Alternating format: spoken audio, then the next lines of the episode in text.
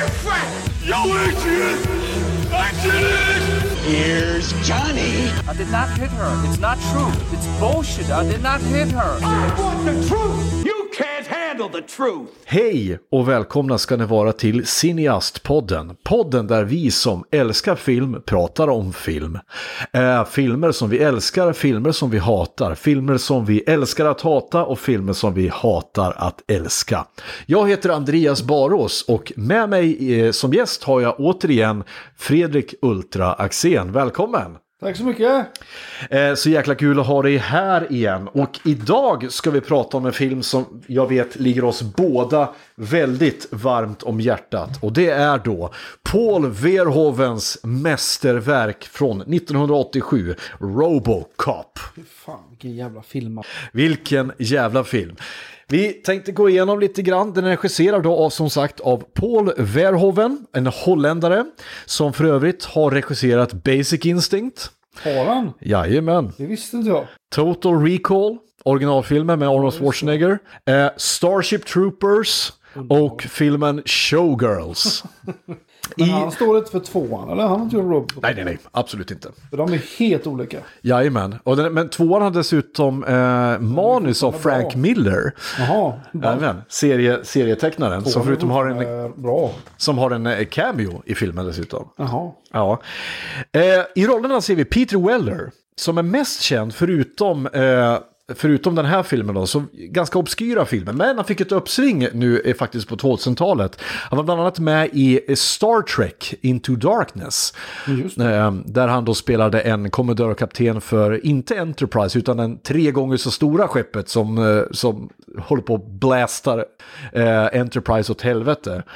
Och så har han gjort väldigt mycket röstskådespelarjobb. Bland annat i filmen eh, The Dark Knight Returns av just Frank Miller, där han då gör rösten till Batman. En äldre och pissed off Batman. Och så har han varit med... Vadå? Va? The Dark Knight Returns. Ja, tecknad eh, film. Jaha, part där 1 och part jag 2. sett någon. Det, det är då, det är då eh, filmversionerna av Frank Millers eh, legendariska album. bra, Dark Knight Returns. Fruktansvärt bra. Fan, det handlar om en Batman som har varit pensioner- pensionerad i typ 20 år. Och så helt plötsligt så tröttnar han och så inser han att jag måste ut och spöa folk igen. och jävlar vad han spöar folk. Batman är bra på det. Ja, han har också varit med i en del serier då, Peter Weller, som till exempel Sons of Anarchy, Dexter och 24. Och till min stora glädje i senaste Mortal Kombat-spelet är som just karaktären Robocop igen. Nancy Allen är med och spelar då eh, in, eh, Detective Lewis, eller Officer Lewis, som är då Robocops eh, eh, sidekick. Hon är med i eh, Robocop 1 till 3 och har även en roll i filmen Carrie originalfilmen. Ronnie Cox spelar då skurken Dick Jones i den här Robocop och han var också skurken i Total Recop. Total Recall, förlåt. Eh, och han var, och för övrigt i Total Recall så har han ju en scen där hans ögon flyger ut ur hans, hans skalle i den fantastiska scenen. Eh, han spelar även eh, överste eh, polischef i Beverly Hill Cop. Och så är han med i filmen Den sista färden, eller Deliverance, som den heter, som en av de stackars helvetes... Eh, Är det han tjocke eller? Va? Är det han som blir... Nej, han, ja, är han, det är han som spelar banjo, gitarr med banjokillen. Det är Ronnie Cox. Och så har vi Burt Reynolds utan mustasch. Eh, och så har vi naturligtvis Kurtwood Smith, som mest blev känd från That 70 Show. Bitches leave. Bitches Leave. Och så har han varit med i diverse serier han också, men ofta så här enstaka eh, episoder. Så sjukt han är med i Robocop och så är han med i den här 70s show där han är liksom sur och sådär men ändå skön. Ja, ja, och han hade samma höga hårfäste där. Ja. Fantastiskt. Och så har vi Miguel Ferrer som tyvärr för några år sedan, något år sedan här nu gick bort. Tragiskt nog. Som då var med, han är mest känd ifrån filmen Traffic, där han hade en ganska stor roll. Steven Soderberghs film från tidigt 2000-tal. Med Benicio del Toro. Va? Med Benicio del Toro. Ja, precis. Vem är han i den filmen? Han är en, jag tror att han är en polis eller om han är en drug. Det var länge sedan jag såg den, men han är med i den filmen i alla fall. Jävligt bra den filmen. Eh, han är också mest känd som röstskådis. Bland annat spelade han, gjorde han rösten till Deathstroke i Teen Titans-serien. I alla fall, den här filmen, ska vi gå igenom filmen och... Deathstroke är ett jävla bra namn. Det är ett bra För namn. ett barn till ska han heta det. Ja, Deathstroke, det, det trodde jag alltid, det, det, det låter lite porrigt, det låter som att man runkar väldigt, väldigt hårt. Ja, han ska- han ska inte heta det. Nej. eh, nu är det återigen spoiler alert för er som inte har sett Robocop. får man faktiskt skylla sig själv. Ja, faktiskt. Men eh, för er som mot förmodan inte har sett det, bör stänga av nu och ah, direkt och se filmen. För helvete! Sen kan ni lyssna på det här avsnittet. I en dystopiskt nära framtid står Detro- staden Detroit på randen till samhällelig och ekonomisk kollaps. Överväldigad av brottslighet och krympande resurser ger dagens staden megaföretaget Omni Consumer Products, OCP. Och bara det är kul. Att det är Omni Consumer Products, det betyder ju i princip att det här är ett företag som säljer allt. De har gett sig in i precis varenda jävla bransch som finns. Och vi säljer allt. Och nu är det de som har fått kontroll över polisen. Så det här är väl Moderaternas våta dröm. Att privatisera polisen. Eh, och det, vi... Eh, bör, filmen börjar med liksom så här nyhetsuppläsningen där, där någon nyhetsuppläsare lite kallt säger att ja just ja, presidenten var uppe i en rymdfärja och så exploderar den och så var de tyngdlösa några sekunder. så kan det gå. Och så går de vidare till, till nästa så här katastrofläge. Så här, 15 miljoner människor dog i en vulkanutbrott. Jajamän, så kan det gå. Liksom som att allting är, och här, redan här sätts i tonen för Paul Verhovens satir. Att han... Ja, det är underbar satir den filmen. Att Även han- är väldigt, väldigt... Det är ju ingen, det är ingen humor direkt i den. Ja, jag, tänkte komma till det, för jag tycker den här är hilarious, den här filmen. Fa- Alltså, eh, för sen, sen eh, eh, eh, tas vi direkt till ett styrelsemöte hos just OCP, där de då eh, eh, har bestämt sig för att nu har de, att brottsligheten är så otroligt stor att det dör en polis var, varje dag liksom. De måste kunna lösa det här på något sätt. Poliserna håller på att gå ut i strejk. De håller på att förhandla polisfacket. Och de blir ju så här. Och när naturligtvis när ett företag driver någonting så vill de gå med vinst. Och då vill de gärna ha sådana som inte klagar och vill ha högre lön. Så då har de bestämt sig för att de på något sätt ska försöka få ut en robot på marknaden. Och och eh, då eh, ska vi få se en demonstration av en robotprototyp som heter Ed 209, Ed 209. Eh, som då presenteras av skurkens antagonist Dick Jones, eller Richard Jones som är då vice chef, han är- eller högst upp, uppsatt chef. Och så kommer han in och det eh, den här Ed 29 som ser ut som en stor jävla, vad säger man, sån här sektopod när de har två ben men, men sen har de bara en kropp, en huvudfoting med två jävla jättekanoner på sidan. Sjukt obehaglig är den. Ja, och den är gjord i så här stop motion så jag tänkte redan där när jag såg den att, att så här, effekterna håller inte riktigt Nej. än idag. Jag gillar ändå stop motion. Tycker det är, det blir obehagligt på något sätt. Ja men det blir charmigt, men man ser ju att de rör sig så här. Ja, det är ju lite så här tecknade grejer i, Mm. i Robocop som är lite halv, som inte är så bra. Och de ska demonstrera så att han tar upp en kille, ehm, som en frivillig då, eller frivillig frivillig, han säger du, ställ det här. Ger honom en stor jävla puffras och, och säger att han "Ri- rikta det mot, eh, eh, mot Ed nu då. Absolut, gör han det. Och då säger han, you have 20 seconds to comply. Drop your weapon. Ja, då kastar han den. Men det, då fortsätter Ed att räkna ner. Och de andra får panik. Och till slut så, så skjuter Ed sönder den här killen. Och han verkligen så här massakrerar honom. Så jävla blodigt. Det måste ju vara en sån här kaliber kaffetermosar liksom som man skjuter igenom. Så här, totalt trasar sönder honom. Och sen så blir det lite tyst i styrelsemötet. Jag ska sitta och bara himla med ögonen typ. Ja, och så, så säger han, det här var det första jag reagerade på, jag höll på att skratta ihjäl mig när jag såg det, att den här då, vdn som är en gammal gubbe säger, säger I'm Richard, I'm very disappointed. och så bara, I'm sorry sir, this was an unexpected glitch. You call this a glitch? But you know how this was gonna cost us? Och, liksom, och redan här, eh, det var det här jag menar att det- det här är ju en komedi. Det är uppenbarligen en satir. Därför att jag, alltså, det här liksom så här, så här går det när kapitalism får liksom vara helt oreglerad. Att liksom bara, jaha, nu råkar det som stackars jävel dö. Ja, ja, men det är så här utveckling går. Någon måste ju dö liksom. Så bara, that's life in the big city. Och eftersom det här programmet gick åt helvete nu så får en ung, eh, ambitiös eh, kille då som heter Bob Morton. Han får då chansen att eh, presentera sitt Robocop-program. Absolut, säger, säger chefen. Så eh, eh, se till, säg till när du har en, en lämplig kandidat. Absolut. Eh, och då får man höra han säger, "Men har vi någon kandidat? Nej, nej, men vi har, vi har fixat några volunteers. Och det slog det mig nu för första gången när jag såg den här filmen. Eh, då har jag ändå sett den kanske 20 gånger. Att de har ju medvetet skickat över Alex Murphy, som vi kommer få möta lite senare, och andra till det absolut farligaste distriktet. För, så? Ja, för att de vet att hans life expectancy är ganska kort. Någon kommer att dö ganska fort. Så att de kommer att få en lämplig kandidat till Robocop-programmet. Liksom. Och då får vi möta våran, våran filmens hjälte då. Då är det konstapel Alex Murphy.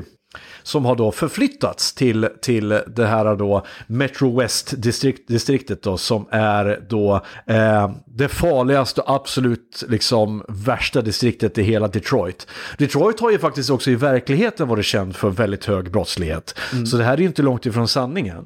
Och han får träffa sin nya partner Louis, en tuff tjej. Eh, som eh, de hoppar in i bilen tillsammans och de åker iväg. Och redan liksom, två minuter senare så får de sitt första ingripande. Och då är det mot, eh, mot eh, Clarence Boddicker och hans gäng. Som då spelas av, av Kurtwood Smith. De har rånat en bank och det blir en biljakt. Och de lyckas då eh, komma ikapp dem i någon jävla nedlagd fabrik någonstans. Eh, där då, eh, där eh, Louis blir nedslagen av en av de snubbarna och blir liksom incapacitated. Så Murphy måste gå själv. Och då blir han då fångad av hela jävla gänget. Och här eh, kommer då, och den här, vad heter han? Clar- Clarence Boddicker skjuter då handen av honom. Och sen så får de andra... Den är ganska, det är ganska kall den scenen. Ja, just ja. När han liksom ni, ni, ni, ni, ni, ni, ni, ni, ni, ni, ni, ni, ni, blåser handen av honom. Man får ju se det också. Och alla bara skrattar och njuter av det. Det är så Ja. jävla stört. Och sen så, så skjuter alla andra, liksom, de verkligen tömmer sina magasin rakt i honom. Liksom, det är säkert 50 skott eller någonting, varsin hagelbössa. Eh, och han dör. Fast det gör han inte uppenbarligen. Liksom, utan jag först- det här har jag skrivit också upp som, som en... Eh, hur i helvete kan de ens ha någonting kvar att göra en robot av där? Det kan ju inte finnas en, en grej kvar, men tydligen så skyddade hans skottsäkra väst honom från total annihilation. Men i alla fall, han blir, eh, Alex Murphy blir ivägkörd. Eh, och det här reagerar jag också på första gången, för nu kommer han in och läkarna ska rädda honom. Och eh, det här var första gången jag reagerar på det här, eh, när jag hör vad de faktiskt säger. Okej, eh, de ger honom massa adrenalin och de, de, gör, de gör allting rätt. Och sen så säger de en sak. Okej, eh, eh, give him a, här, shock him for flatline and then call it. Reagerar du på det? För det betyder ju att det här, de försöker ju inte rädda livet på honom. De gör ju bara vad de ska för att det ska finnas inspelat och för att de ska ha gjort det ska se ut som de försöker rädda livet på honom. Men för att de ska få en flatline så att han kan dödförklaras. Så att, så att eh, eh, för de säger okej guys, call it. Anyone wanna go grab, a- grab lunch? Liksom att det här, de har fått order att de ska inte rädda livet på honom. De ska försöka, de ska göra allting rätt, men de ska inte rädda livet på honom.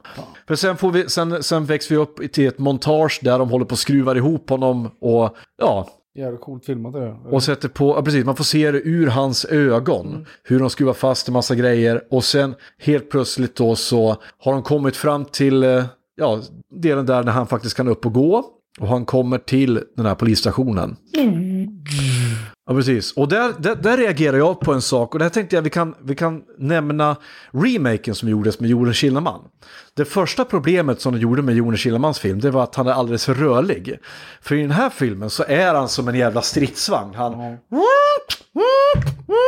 Så ser ju Verkligen så gå. jävla häftig ut. tunga steg, liksom, och verkligen så här, eh, eh, vad ska jag säga, ungefär som du ser någon dansa en Men det är robotdans. precis så han är Robocop. Det är så han rör sig. Liksom. Allting är hydrauliska. Man hör att det finns, det finns en liksom hydraulmotor i varenda led som man rör. Mm. Um, och de andra poliserna på, eh, på stationen blir naturligtvis jättenyfikna och ser vad fan är det som händer. Han springer fram, eller han går fram och ska provskjuta sin jävla jättepuffra som han har fått. Luftvärdskanon typ. Ja, som är en, en jävla automatpistol där han bara liksom, där alla andra skjuter små, små hål i sina, i sina, det, sådana här uh, skottdockor. Så sliter han dem i stycken totalt liksom. Sen får han en bil och ger sig ut i ett litet montage för att nu ska han då fight crime. Alex Murphy. Hans första uppdrag är att han kommer in i den jävla kiosken. I- Ja, precis. Det är, en- det, är, det, är, det är ett vanligt butiksrån. Och det kommer in en kille med någon liten jävla automatgevär. Och han kommer in och sen så vrider han... Man får se att han är skottsäker, för killen skjuter ju av bara helvete på honom. Allting studsar av. Han vrider sönder, vad är det? Pipan. på den. Och sen så ger han honom ett jävla slag som flyger rakt in i en dricka, liksom en drickakyl. Och sen så går han därifrån och säger bara thank you for your cooperation. Eh, sen åker han vidare och då är det någon tjej som blir, håller på att bli våldtagen. Också svinsigt. Ja, eh, där han skjuter kuken av en kille. och det är det så. Eh, och där får man återigen se då liksom att okej, han har liksom pinpoint accuracy. Han har ju liksom, han har ju sån där, vet du, måltavla dator i huvudet som gör att han bara kan träffa vad fan som helst. Eh, och det tyckte jag kom ihåg att jag, när jag såg som, här var jag också inte speciellt gammal när jag såg filmen, kanske var tio år gammal. Och jag tyckte att det var så jävla, fy fan, han blir skjuten i kuken. Och killen kom ihåg att han, han, han ylar ju som att... Och det är inte lite blod heller alltså. Nej, Eh, I alla fall då, och så börjar då Robocop, och så visst är det en giss, ett gisslandrama också, där han går upp och räddar eh, borgmästaren som har blivit tagen av gisslan av en jävla Går kille. igenom väggen, va? Slår igenom sönder vägg, genom väggen och sen så slår han killen ut genom fönstret. Så bara bam! Och sen bara knallar därifrån. så där liksom, och sen blir han hyllad i media, liksom there's a new guy in town. Och så här, ja, allting verkar frid och fröjd. Men eh, då visade det sig att eh, att eh, Robocop själv har ju blivit mindwipad. Alltså han, han har inget kvar av sitt minne. Men i en scen får vi se honom när han, eh, att han, han har en mardröm. Han börjar minnas han börjar minnas Flash av sin egen avrättning. Och han knallar iväg ifrån de här, då, hans skötare. Och då möter han Louis i korridoren. Och hon säger Murphy, it's you right? Och då hör han det namnet och sen så går han till, eh, han går till någon databas. Med sin jävla nål. Han går till en databas och eh, vet du, eh, läser av och så lyckas han hitta de som är skyldiga för hans mord liksom. Och nu börjar, och här kommer faktiskt en av de mest gripande scenerna i filmen. Och det är att vi får se en flashback när han går tillbaka till sitt gamla hus. Där han en gång bodde. Man får inte veta riktigt hur lång, länge han har varit död. Om det är ett år, om det är flera år, hur lång tid det tog. Liksom. Men hans familj har i alla fall flyttat därifrån. Det är helt tomt. Men han går omkring i det här, det här eh, huset och får flashback av sin, sin son och sin fru. Mm. Och det tyckte jag var så jävligt gripande ändå. Att känna att han fick ju, hela hans liv tog sig ifrån honom. Och de blev ju, hans familj också blev ju liksom ljugna för och sa att din, din, din liksom man är död. Och det är det som är så, tycker jag, cyniskt i den här filmen att han betraktas ju inte som en människa nu längre utan han betraktas ju som en ägodel till det här företaget OCP. Eh, samtidigt då här så den här Bob Morton då som är den här killen som då har uh, satt igång hela det här Robocop-programmet. Han, eh, ja, Bob Morton då sitter hemma i och drar cola med två, är det två eskortbrudar? Det är nog Det är det nog ja. bitches. Ja, Och så, och så kommer och så kommer Clarence in och säger, vad säger han? Bitches leave. Bitches leave! Skjuter Bob i benet, benen, båda två. Eh, Så spelar han upp ett, ett band där det står, eh, där den här Dick Jones säger att liksom, ja ah, sorry, men eh, du skulle inte ha jävlats med mig, nu måste du dö tyvärr. Och eh, Clarence sätter en granat på, på bordet och så sprängs han i luften fullständigt. Men sam eh, och samtidigt så är Robocop ute efter hämnd. Så han börjar plocka de här i gänget. en efter en. Först plockade han Emil heter han va? Han på någon, någon jävla bensinmack. Fast han kommer undan. Ja, han har hela tankarna, eller han sätter eld på hela jävla bensinmacken. Ja just det, han kommer undan. För sen plockar han en annan kille, den här Leon. Eh, Emil har ju ett annat gött straff som Ja, det kommer sen ja. Den här, sen plockar han en kille inne på en nattklubb som försöker sparka honom i pungen men det går åt helvete. Och vet bryter foten och drar honom i, han drar honom i, i, i håret ut och förhör honom. Och sen lyckas han till slut att spåra Clarence själv till något slags, han ska göra någon knarkdeal in i sin kna, egen knarkfabrik. För att såklart finns det en knarkfabrik i den här stan. Och det tycker jag, det, det, det, skulle jag säga är nästan min favoritscen i hela filmen. För då går ju Robocop, går omkring och ja, mejar ner precis varenda jävel där inne. Mm. En efter en. Och sen så till slut så får han tag på, på Clarence och Clarence spills the guts så att säga. Och eftersom Robocop är en, är en um, robot så kan han ju spela in allt som sägs. Och det säger då att uh, I work for Dick Jones. Och då får man se, det här är ganska kul, då får man se i Robocop, han har ju då sina prime directives. Uphold the law, eh, eh, protect the innocent och serve the public trust. Och så har han någonting som heter Directive 4, som är unknown eller Får väl classified. inte skada någon i OCP eller vad? Ja, precis. Och det visar sig då att det står fortfarande classified när han, när han, när han får höra ordet Dick Jones. Men han griper Clarence, går till honom med, eh, vet du, går till honom i, eh, till polisstationen, sen ska han åka och gripa Dick. Och så fort han grip, ska försöka gripa honom så dyker då Directive 4 upp. Och då visar det sig att det är Dick Jones själv som har installerat Directive 4 i honom då. Att, att varje försök att gripa en OCP-anställd kommer att resultera i shutdown, att du stängs av. Och eh, sen så, lycka, sen så kommer det en Ed 209 och försöker skjuta ihjäl eh, Robocop fullständigt. Men han lyckas outsmarta honom därför Han att... skriker också som en jävla gris. Ja, för Ed 209 kan inte gå ner för trappor, vilket jag tyckte var det mest patetiska någonsin. Det var det liksom den stora, jag trodde att det skulle bli en episk slutstrid mellan de här två, men det blev det ju aldrig. Utan Ed 209 kan helt enkelt inte gå ner för trappor, och så besegrar han honom så. Han ramlar ner och så ligger han och skriker som en stucken gris liksom. Och så här, och så ser ut som att han får ett barn som får en sån här tantrum, så ligger och sparkar med benen. Men i alla fall, Robocop lyckas ta sig ner till bottenvåningen och där har tydligen polisen fått order att de ska förstöra Robocop. Så de står och skjuter allting de har på honom. Men Lewis räddar honom. Och eh, Lewis och eh, Robocop, eller Murphy, tar sig ut till något industriområde och gömmer sig där. Då, Eh, man får se, då, plockar han av sig masken. det är första gången han plockar av sig masken. Och det, jag tyckte faktiskt, det här reagerar jag på när jag såg det nu. Den här filmen är från 1987, men det ser fortfarande bra ut. Jättebra. Det, just den scenen och allting som har med Robocop själv att göra ser bra ut. Eh, Jättebra och faktiskt. jättebra, för att jag letar efter liksom så här, var ser man, det måste ju vara data gjort det där med maskerna, eller, eller är det bakhuvudet som är masken? Vad är det som är masken liksom? Men jag tyckte att det såg så jävla bra ut, för det ser ut som att de bara har tagit att hans ansikte och häftat fast det på, på liksom hans eh, metall. Men nu i alla fall då, eh, Clarence eh, fått order av eh, Dick Jones att göra slut på Robocop för att han har bevis.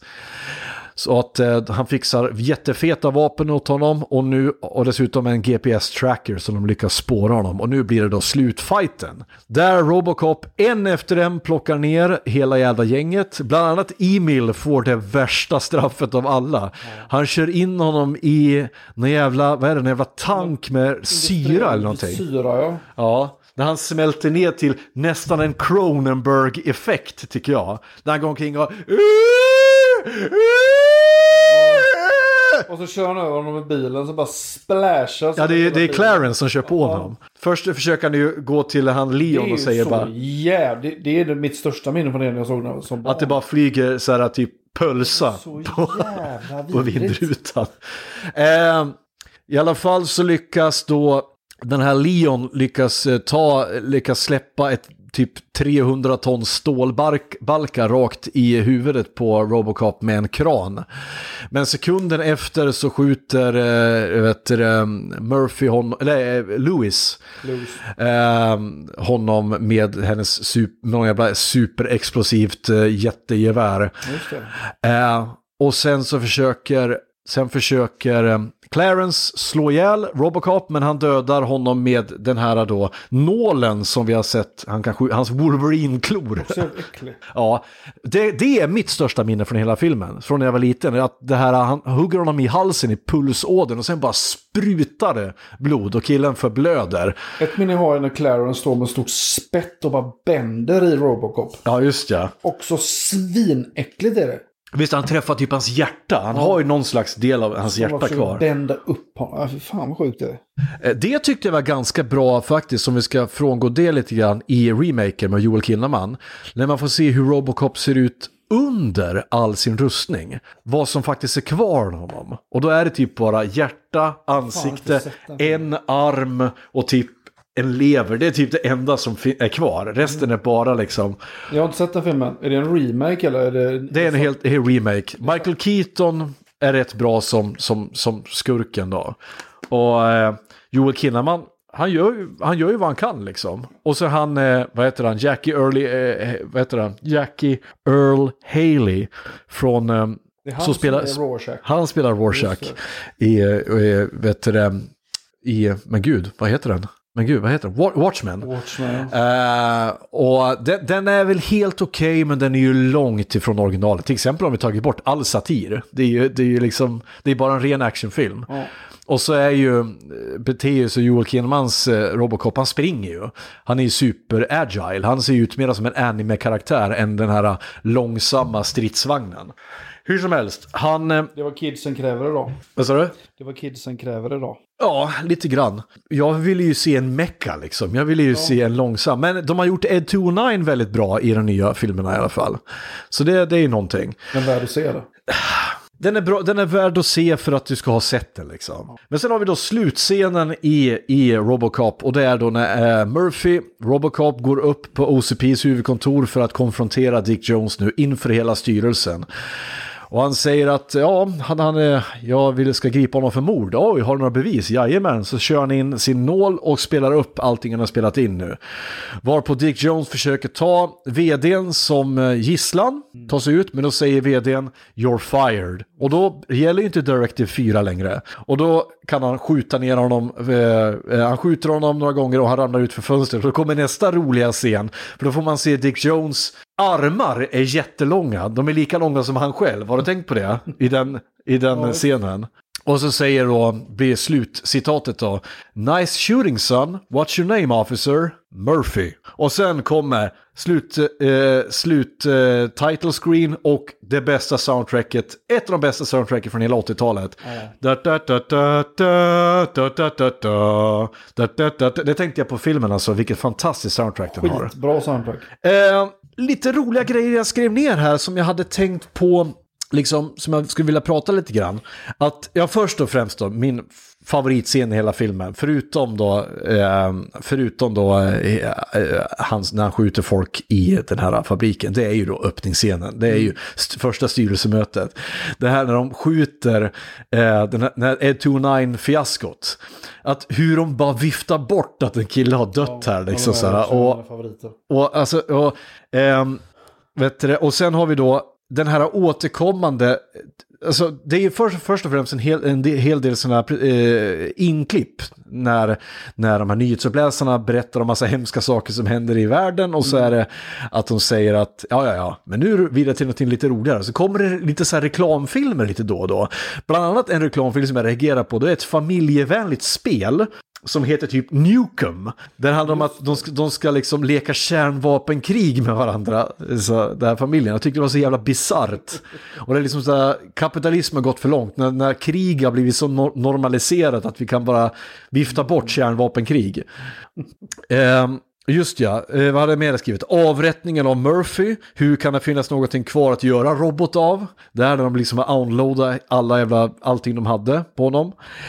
Eh, och så den här återkommande repliken. Det är något låtsasprogram som går på tvn hela tiden. När de säger I buy that for a dollar. Och alla som ser det här skrattar så de håller på att kissa ner sig. Och jag fattar inte vad fan är poängen. Men jag tror det är satiren. Att amerikaner är så dumma så att de skrattar åt vilken catchphrase som helst. Liksom. Bara, bara man säger någonting tillräckligt ofta så blir det en catchphrase. Och så garvar vi åt det.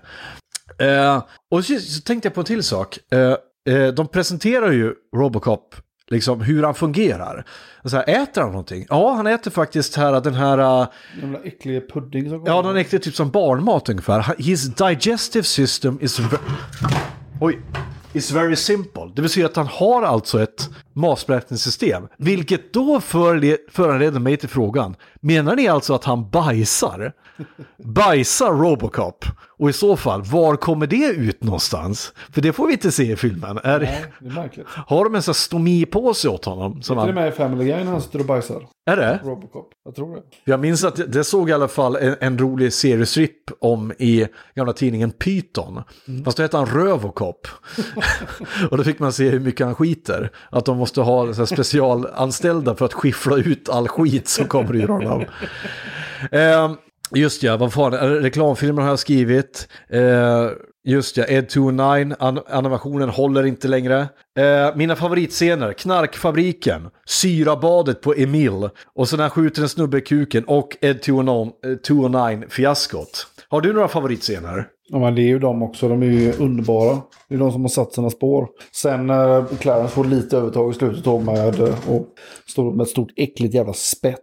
Och slår Robocop med. För det tänker jag på idag, att Clarence ser ju inte Kurtwood Smith ser ju inte ut som en typisk skurk. Alltså inte en sån här typisk, det är han man kastar för att spela skurken i en film. Nej, han, är, han har högt hårfäste, han har glasögon, han ser ut som en farbror liksom. Men det är nog det som gör honom obehaglig när jag tänker efter. Att han, han ser ut som, som typ vem som helst. Men det är ju samma som... Uh, glöm att- vad heter han? Tredje klotet från solen. Vilket- Vem? Han, tredje klotet från solen. Ja, ehm, Trinity. Dexter. Vad fan heter den skådespelaren? Han är också en sån gubbe som inte alls ser ond ut. Men som ofta spelar jävligt psycho. nu står det helt still. Jag borde veta vad han heter. Ja, det vet han också. Jag borde veta vad det heter. Det är tur att jag kan klippa i podden. För att det här, ska, här måste jag googla, för annars blir jag galen. Kommer att komma på det direkt när jag googlar det. Men eh, visst håller du med? Cliffhanger var med i. Ja, just det. Där är han också ond. John Lithgow. John Lithgow, ja. John Lithgow. Han ser också ut som en snäll farbror. Ja. Men fan vad obehaglig han är i Cliffhanger. Svinobehaglig. Och även i, i Dexter där han är Trinity. Jag har inte sett den serien. Spelar han någon seriemördar-snubbe också eller? Dexter är ju svinbra. De får Okej. titta på. Okej, Ja, Han är seriemördaren i eh, typ femte säsongen något liknande. okej. Och det handl- är det den serien som handlar om en kille som är en ex-FBI-kille som blir seriemördare? Nej, han är seriemördare, men han har det här. Han är typ... Eh, Dexter har ju typ ett fix. Han måste mörda. Okej, Men han mördar ju bara bad guys. okej, Han jobbar för FBI. okej, Och är svinsmart och jättebra. okej. Han är skön. Ja, ja, absolut. Jag tycker det är en bra serie. Lite trivia om Robocop. På första plats. Robocop existerar för att en kille som hette Ed hatade sitt jobb. Det var en kille som hette Ed Newmeyer. Han, han jobbade på Universal Pictures och han tyckte att han fick göra skri han var, han var, han var då screenwriter. Han fick skriva så mycket skit och han hatade sitt jobb så att han började leka med tanken på att han skulle vilja göra en film om en robot, robotpolis. Eh, och så träffade han en kille som var en filmstudent som hade ungefär en liknande, eh, eh, en liknande idé som, eh, som han hade eh, eh, eh utkast i ett manus som hette Supercop. Och då slog de ihop sina två idéer och gjorde den där. Eh, som gick då till, till företaget Orion Pictures som tyvärr inte finns idag. Men jag vet att Orion Pictures eh, som hade, eh, de gjorde ganska mycket sådana av de mest legendariska filmerna vi såg. Förmodligen gjorde de filmen Cobra också. Det känns som att de gjorde den med Stallone på 80-talet. Den var influerad av Judge Dredd. Det var, den, det var den framtiden ungefär som de byggde, det, som de byggde hela den här världen på. Kom Judge Dredd innan Robocop? Ja, långt 94, innan. Som serie. Den, Ja, alltså, det, det är ju en serie... Det är ju en serietidning, men inte, inte den Sylvester Stallone-filmen. Men det är samma värld där. Corporations har tagit över hela världen. Ehm, eftersom de, det är så mycket crime så har de inte tid med rättegångar längre. Så då måste de skicka ut folk att bara göra rättegångarna direkt. Som, som de kan göra det på plats. Okej, mig den serien- 30 år för att du glömde betala T-banebiljetten. Och så döden för att man snodde ett par skor liksom. Jag kan tänka mig att den se- serietidningen är ganska mycket bättre än filmen med Sylvester Stallone. Ja, men. Då ska du ju se, du ska ju se filmen med Carl Urban. Judge Dredd-filmen. Har du sett den? Den är asbra. Den är, den är fucking awesome. Den här filmen var det faktiskt tänkt att bli en, en comic book av från början. Och de gick faktiskt fram till Stan Lee. Alltså eh, Stan Lee blev alltså approcherad för att, för att eh, de ville sälja då eh, den här serierättigheterna till filmen. Och det var väldigt nära att de fick det. Men då eh, Ed Neumeyer då, som jag nämnde innan, han och Stan Lee skulle de hade haft en, eh, ja de var lite bekanta, så hade de haft en middagsdejt där de skulle då diskutera detaljer, så skulle de gå på bio och då råkade de samma kväll gå och se The Terminator som kommer ut 1984 oh. på bio. Och då sa Stan Lee, hur fan tänkte ni toppa det där? Mm. Och så backade han ur. Exakt. ja, eh, nu visar det sig att det fanns en marknad för både eh, The Terminator och eh, Robocop. Peter Weller han studerade, han, han studerade faktiskt och tog examen som mimare inför den här rollen. Därför att han insåg att han var tvungen att lära sig rörelsemönster så han tog en mimkurs och gick på mimskola och fick mm. faktiskt då examina för att han skulle få vet, kunna göra den här rollen så trovärd som möjligt.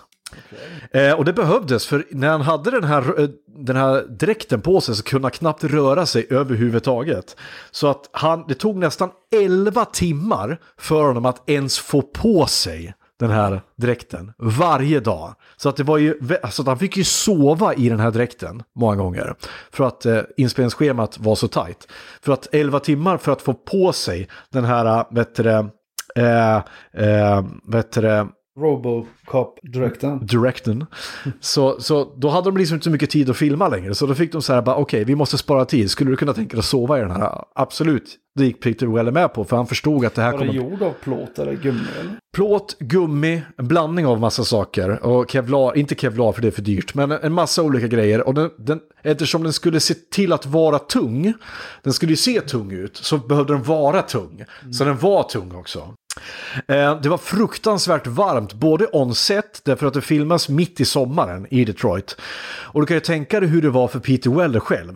Som fick dricka, så att efter, så fort den tagningen var klar så hade de ett team som fick springa fram till honom och, och spruta vatten på honom. Och, ge, och, och hälla mer. Och, oh, ja, och det vi inte får se är att det fanns en lucka där han fick hänga ut kuken hela tiden och pissa. Ja, därför att han drack så jävla mycket vatten. Eh, så att han fick konstant äta, konstant dricka vatten vatten och konstant försöka vila, både stående och typ sittande hela tiden. Eh, eh, och jag är, så, ju mer jag läste om den här trivian, desto mer imponerad blev jag av Peter Weller, liksom vilken, mm. vilken dedikation han hade. Peter Weller gick in i sin roll så pass mycket att han vägrade använda sitt riktiga namn on set under hela inspelningsperioden. Så att när någon kallade honom för Pete eller Peter Weller eller Peter så vägrade han svara. Vilket blir extra kul då, utan han, han ville bara bli tilltalad Robo, eller Robocop, Robo eller, eller Murphy. eh, så eh, Miguel Ferrer då, som spelade Bob Morton, han, eh, han kände Peter Weller sen innan, de hade liksom varit gamla kompisar och han sa att han, han försökte jävlas med honom hela tiden. Han sa bara “Hi Pete, uh, how's it going Pete?” Och Pete, ja, Peter bara ignorerar honom. Eh, Robocops pistol var en special, eh, specialimporterad. Det var alltså en 9 mm berätta från början. Mm. Som de byggde om. Men för att den skulle ens få användas var FBI tvungna att gå in och approva den. Därför att den var alltså funktionsduglig. Den var så där kraftfull som vi ser i filmen i verkligheten. Va? Så att de var tvungna att gå in och kolla den liksom, så måste de, var de tvungna att on-set hela tiden ha en supervisor som såg till att den användes på rätt sätt. Ja, sjukt. Helt sjukt ja. Peter Weller var tvungen att, eller hade under sin, sin dräkt så hade han hela tiden en Walkman. Och så lyssnade han på, nu ska vi se om jag läser rätt här. Han lyssnade på uh, på Peter Gabriel.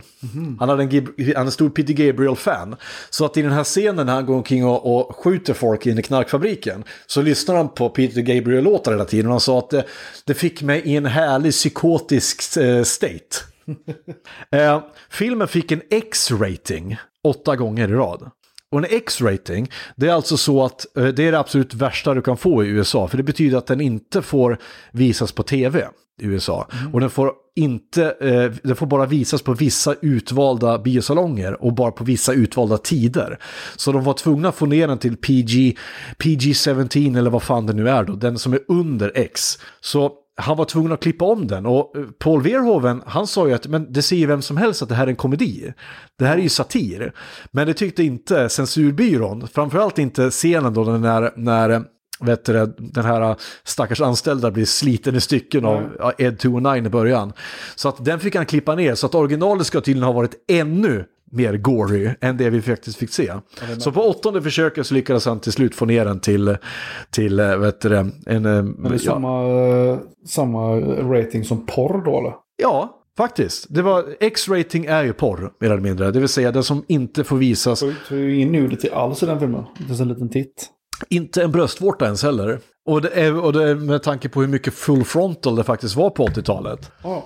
Eh, nu ska vi se. Den slog faktiskt... Eh, den slog... Eh, den gick väldigt bra på bio. Och den slog till och med JAS 4.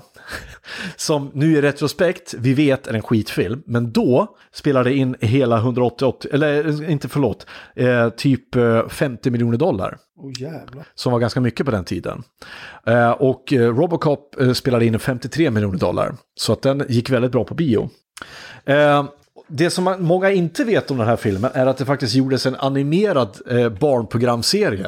Jo men det vet jag. Typ. Det visste du? Som gick på typ Cartoon Network på morgnarna. Vilket också är helt bisarrt med tanke på att hur fan gör du den här filmen barnvänlig? Eh, liksom, det var ju liksom emot hela poängen. Allting som Paul Verhoeven ville, ville visa med filmen. Det är ju liksom precis vad inte en barnfilm ska vara.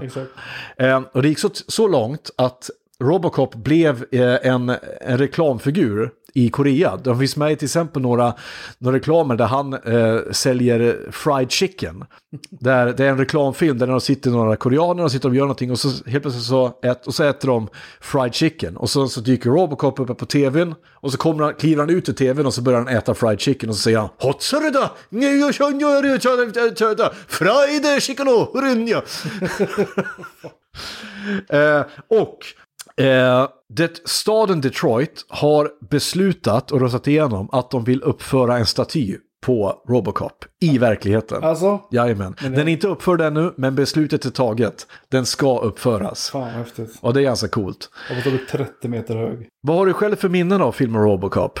Men alltså det är ju det vi har gått igenom. Mest största minnet är ju den här när han slemmet går runt och blir påkörd av bilen. Ja. Det är det jag minns. För det, det, det tog jag väldigt illa vid mig när jag var liten och såg. Hur gammal var du när du såg den första gången? Kanske 8-9 år. Okej. Såg du den hemma eller hos en kompis? Nej, givetvis hos en kompis. Jag fick ju absolut, jag fick ju fan inte ens titta på Rambo när jag var liten. Tänk att vi alla hade en kompis som hade VHS-spelare, som hade ett eget sånt där äh, rum någonstans där, som lät folk sitta och titta på Ninja polare- Mission och sånt där. Exakt, min kompis storbrorsa Christian han eh, hyrde ju alla filmer så kopierade han dem. Han hade så Jajamän. jävla mycket filmer. Ja, det gjorde vi också. Sen minns jag Ed 209 också för han tyckte jag var så jävla obehaglig. Tyckte du? Och när jag var liten. Jaha, okej. just den här stop motion, eh, Ja, så okej. jävla äcklig. Ja. Ja, Ja. visar hur jävla är också när det inte funkar. Nej, precis. Men, men det som, ja precis, och det var det man tyckte var läskigt nu, då. Jag det jag faktiskt- tycker, ja, Jag såg faktiskt Robocop 2 för, innan jag såg ett. Robocop 2 är oväntat bra. Är i en eh, för att vara en uppföljare. Trean är fruktansvärd. Men jag kommer ihåg att eh, det du sa, intressant det du säger med Ed 209 och fiaskot där. När jag var liten så tyckte jag det var läskigt som sagt. Men det, läs- det som jag tyckte var läskigt nu som vuxen när jag såg den, det är hur lättvindigt de tog på liksom att, det han säger, Dick Jones, liksom att eh, we had government contract, military contract. Who cares if it works or not? Ja. Att den här cyniska kapitalismen. Ja. Och jag tror att det där gick inte fram till oss som barn. Men det går smärtsamt fram till oss idag. att så här går det om kapitalism blir helt oreglerat. Då går det åt, fullständigt åt helvete. Åt helvete, ja. Slutbetyg då? Robocop, naturligtvis för mig. Eh, eh, ett, ett ganska högt betyg. Jag funderar på om jag ska ge den högsta betyg i, i action. I actiongenren, underhållningsmässigt och mina minnen av den så är den nästan toppmässigt. Effekterna håller inte 100% än idag, men tillräckligt många av effekterna håller för att jag ska kunna ge den ett högt betyg. Så för mig så får den i genren 8 av 10. Det är en av de absolut bästa actionfilmerna jag någonsin har sett. Och för... ja, alltså jag håller den lika högt som jag håller rovdjuret alltså. Okej. Ja, Jag säger också 8 av 10. Jajamän. Absolut. Har ni lyssnare några egna förslag, egen trivia som vi själva har missat? Eh, så hör gärna av er. Skriv till oss i kommentarerna eller i eh, eh, skicka DM. Nu har det blivit dags för veckans topp 5. Lista. Topp 5. Topp 5. Veckans topp 5. Och veckans lista är din Fredrik, så låt höra, ska bli väldigt spännande. Ja, roligt. Jag funderade lite på vad jag skulle ta, men eh, jag har ju en favoritskådis. Som Okej. heter Sylvester Stallone. Jajamän. Och det här är min topp 5-lista på hans bästa filmer. Topp 5 Sylvester Stallone-filmer. Låt höra, på plats Ja. nummer 5. Som jag tycker då. Ja, Demolition Man. Demolition Man. Underbar film. Eh, Sylvester Stallone och Wesley Snipes som fryst ner. Jajamän. Hamnar i framtiden. Som hamnar i framtiden, och inte jättelångt i framtiden, utan den, jag vet att introt utspelar sig, utspelar sig i, filmen är ju från 1993, och, och sen ska den här första scenen ska utspela sig i den nära framtiden 1996. och sen blir han uppfryst typ 2020 eller någonting. Ja. I en värld helt utan våld, där alla går omkring och är jätteartiga mot varandra, och poliserna eh, får lära sig att inte använda våld, utan de, får, de ska be folk att eh, tell, the, tell the suspect to lie down, or else. Så kommer ju Wesley Snipes upp dit också. Han är ju väldigt, väldigt våldsam. Kommer du ihåg vad hans eh, karaktär heter? Ja, det vet jag. Simon Phoenix. Phoenix. Och så säger han saker som Simon says bleed. eh, för Jag övrigt, gillar ju Wesley Snipes. Det är Ja. ja, och så Dennis Leary är med i filmen också. Är han? Jajamän, han spelar, han spelar ledaren av de här smutsiga människorna som bor under marken. Så har han en rant om att han säger jag vill äta fet mat, dricka, eh, dricka stark eh, sprit och fisa och svära och knulla hur mycket jag vill. Liksom, men det är de inte vill. Eh, kul trivia om den filmen, att originalet jag såg Eh, Så, så eh, när, när då, nu ska vi se, vad heter eh, eh, Stallones karaktär? Jo, han heter John Spartan. Och hans, han kallas då för, they called him the demolition man because he blew things up. Det är naturligtvis den varianten. Och så har han då lyckats eh, stoppa något rån, han blir bjuden på middag hos typ borgmästaren. Och då ska de gå på The Pizza Hut. Men, det här kommer det intressanta. Pizza Hut är en dubbning. Därför att originalet så säger de Taco Bell. Jaha. Jajamän, men eh, någonstans eh, halvvägs där när de skulle distribuera den så drog sig Taco Bell ur samarbetsavtalet och betalade inte pengar. Så då dubbade de över det till Pizza Hut istället som de tog ett nytt avtal vad med. Så att man ser deras mun säger Taco Bell, men man hör Pizza Hut. så låter det skitpissigt. Okej, Jajamän. nummer fyra. Ja, Cobra. Cobra. Men vad fan, tycker du på riktigt den är bra? Nej. Nej, Men jag har minnen från den filmen. för Det är en av de första filmer jag såg med honom. just ja. Den Den är är... så jävla mörk. Ja, den utspelar sig, den utspelar sig ju under prime Ronald Reagan-eran. Där vi ska ha a, a cop who does what it takes. Det är ju svinskön. Såg den för ett tag sedan. Och så säger han ju, han säger ju en klassiker, han är i en första scenen så skjuter han ihjäl någon jävla rånare i någon butik och så säger han You're the disease, I'm the cure. Så jävla lökigt. Ja, okej. nummer tre då. Nummer tre. First Blood. Åh, mm. Den är legit bra. På alla sätt Den och är vis. otroligt bra. Jag har inte läst boken dock, men den ska tydligen vara ännu bättre. Jag har eh, läst boken. Och jag har dessutom läst originalmanuset och sett originaltaken, originaltagningen på eh, hur slutet faktiskt är i originalfilmen. Eh, spoiler alert för er som inte har läst boken. I slutet av filmen dör John Rambo. Alltså, Ja. Och inte bara dör, han blir alltså avrättad av Colonel uh, överste Troutman. va? I eh, den här filmen då, den handlar ju om en, eh, en soldat som kommer tillbaka från Vietnamkriget till ett USA som medan han var borta har förändrats väldigt mycket. Från att han skickades iväg som en patriot, kommer tillbaka bespottad liksom. Och den visar sidorna av, eh, eh dels om liksom att de här soldaterna skickas tillväg till ett krig som bara var politiskt. De, eh, de kunde inte vinna det där kriget. Och sen kommer de tillbaka och blir beskyllda av allmänheten för att vara barnmördare och allt möjligt. Plus den, eh, den posttraumatiska stressen som de utsattes för och all tortyr och skit som gjorde att den här dödsmaskinen som inte får någon hjälp av samhället alls, om han blir pressad mot väggen kommer han bli farlig för allmänheten. Och det slutar ju med Ja, det, ja, filmen handlar ju om att han startar ett eget litet krig mot eh, nationalgardet, eh, polisstationen allihopa där. Sen blir han inträngd i ett hörn där till slut hans gamla överste lyckas träffa honom och prata om och där Stallone än till denna dag gör en av sina absolut bästa skådespelarinsatser när han bryter ihop och gråter och berättar om när han, han, en av hans bästa kompisar sprängdes i, i Hanoi.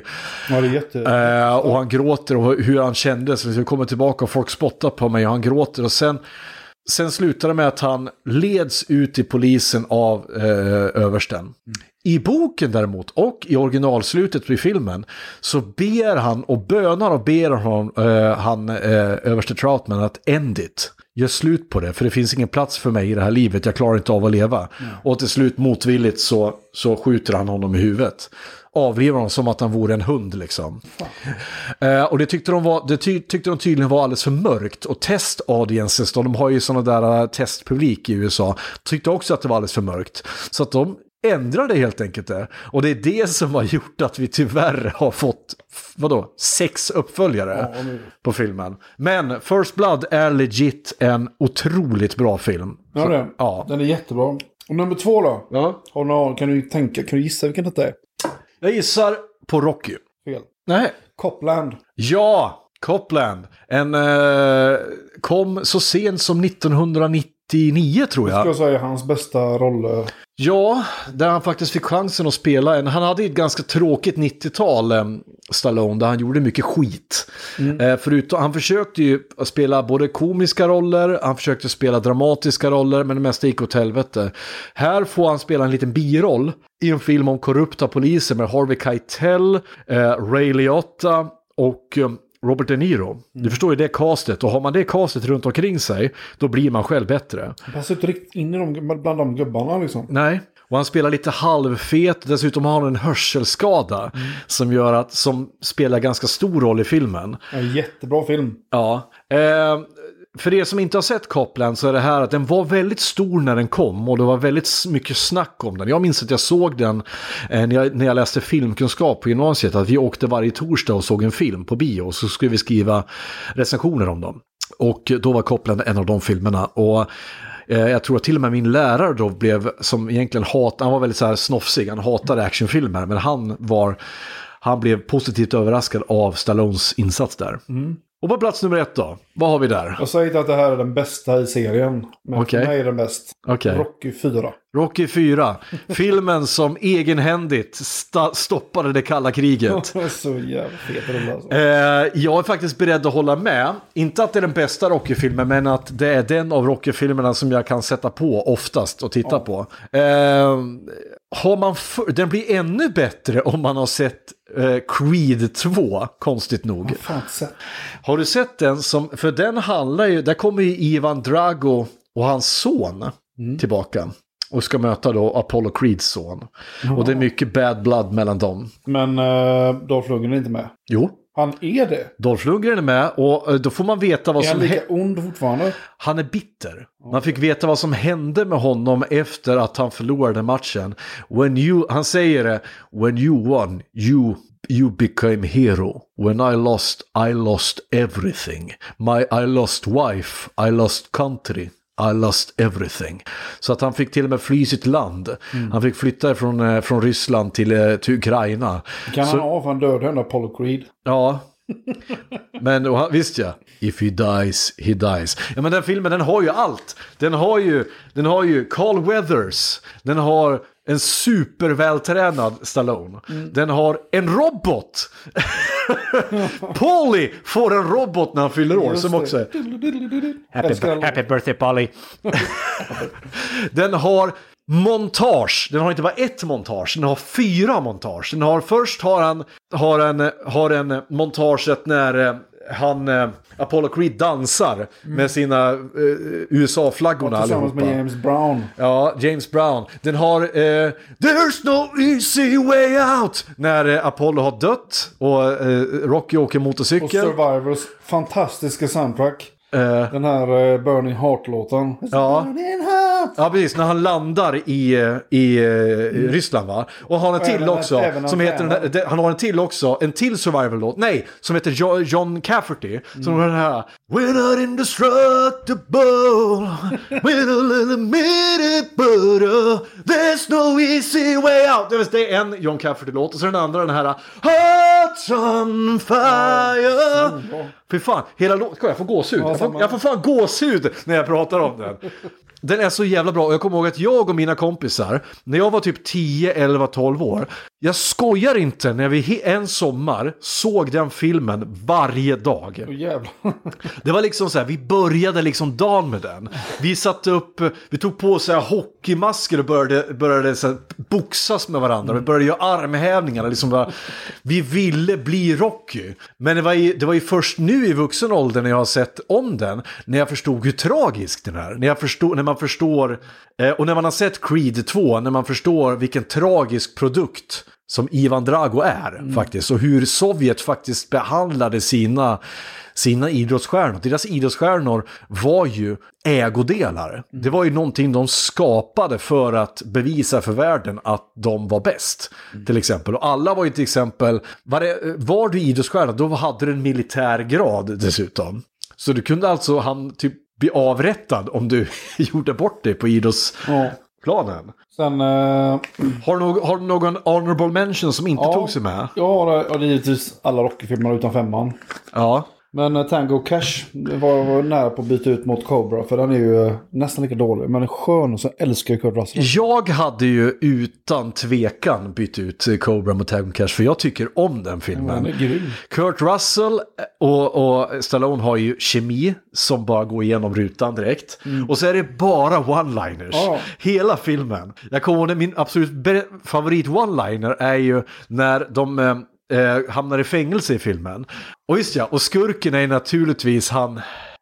You are my number one guy. Han från, eh, vad heter han, eh, Tim Burtons Batman. Som var, eh, som var även med i City Slickers. Som jag inte kommer ihåg vad han hette. Eh, den här, jag måste kolla, måste kolla upp vad fan han heter. Eh, han var en gammal, jätt, eh, klassisk eh, westernskurk. Eh, Jack Palance hette han. Han spelade skurken som, som sätter dit dem. Han var ju alltid maffiaskurk i de där filmerna. Men genom han är i fängelse och så kommer det fram en kille, en jättestort jävla monster. För övrigt samma skådis som spelade i filmen Maniac Cop. Eh, som har väldigt speciellt utseende. Han har, ser ut som att han är ut, han ser ut som en seriefigur för han har så jävla stor käft. Och så säger, de, säger han liksom, he doesn't like me. Why? Because I broke his jaw. You broke that jaw? Ja, det, han har sånt jävla... Ser ut som han har lagt en sån stor bulle. Ja. Och vad är det mer för one-liners då? Säger, han visste han driver med, han eh, säger Who do you think you are? Rambo? Rambo is a pussy. och så att han säger I hate Danish, säger han också. Och vilket är en anspelning på att han var gift med Brid- Brigitte Nielsen. Som han precis hade skilt sig från och hon är från Danmark. Så det är massa sådana där fantastiska. Jag ska även göra, jag tror, när du ändå inspirerar mig nu så ska jag nog göra en, en lista på mina topp fem eh, Kurt Russell-filmer. Jag hade tänkt göra det också faktiskt. Men eh, de här är, är bättre. Ja. Jag vet vilken nummer ett kommer bli. Jag sa. Big Trouble in Little Ah, ja, ja, fantastiskt. Ja, det står mellan den och The Thing faktiskt. För The Thing, ja, ja men det får bli eh, ett ämne för ett annat avsnitt. För nu har vi kommit till slutet av Cineastpodden, detta avsnitt. Vi har pratat om Robocop och vi har pratat eh, topp 5 bästa Sylvester Stallone-filmer. Eh, gilla oss på Facebook, gilla oss på eh, Instagram. Eh, och vi har säkert en Patreon när det här sänds också. Eh, tack så hemskt mycket för att du kom Fredrik. Tack så jättemycket. Jät- Det var jätteroligt. Ja, och du är hemskt välkommen tillbaka som sagt. Tack så hemskt mycket för att ni har lyssnat allihopa. Hej då! Hej då! Yo, Adrian! Adrian! Here's Johnny. I did not hit her. It's not true. It's bullshit. I did not hit her. I want the truth! You can't handle the truth!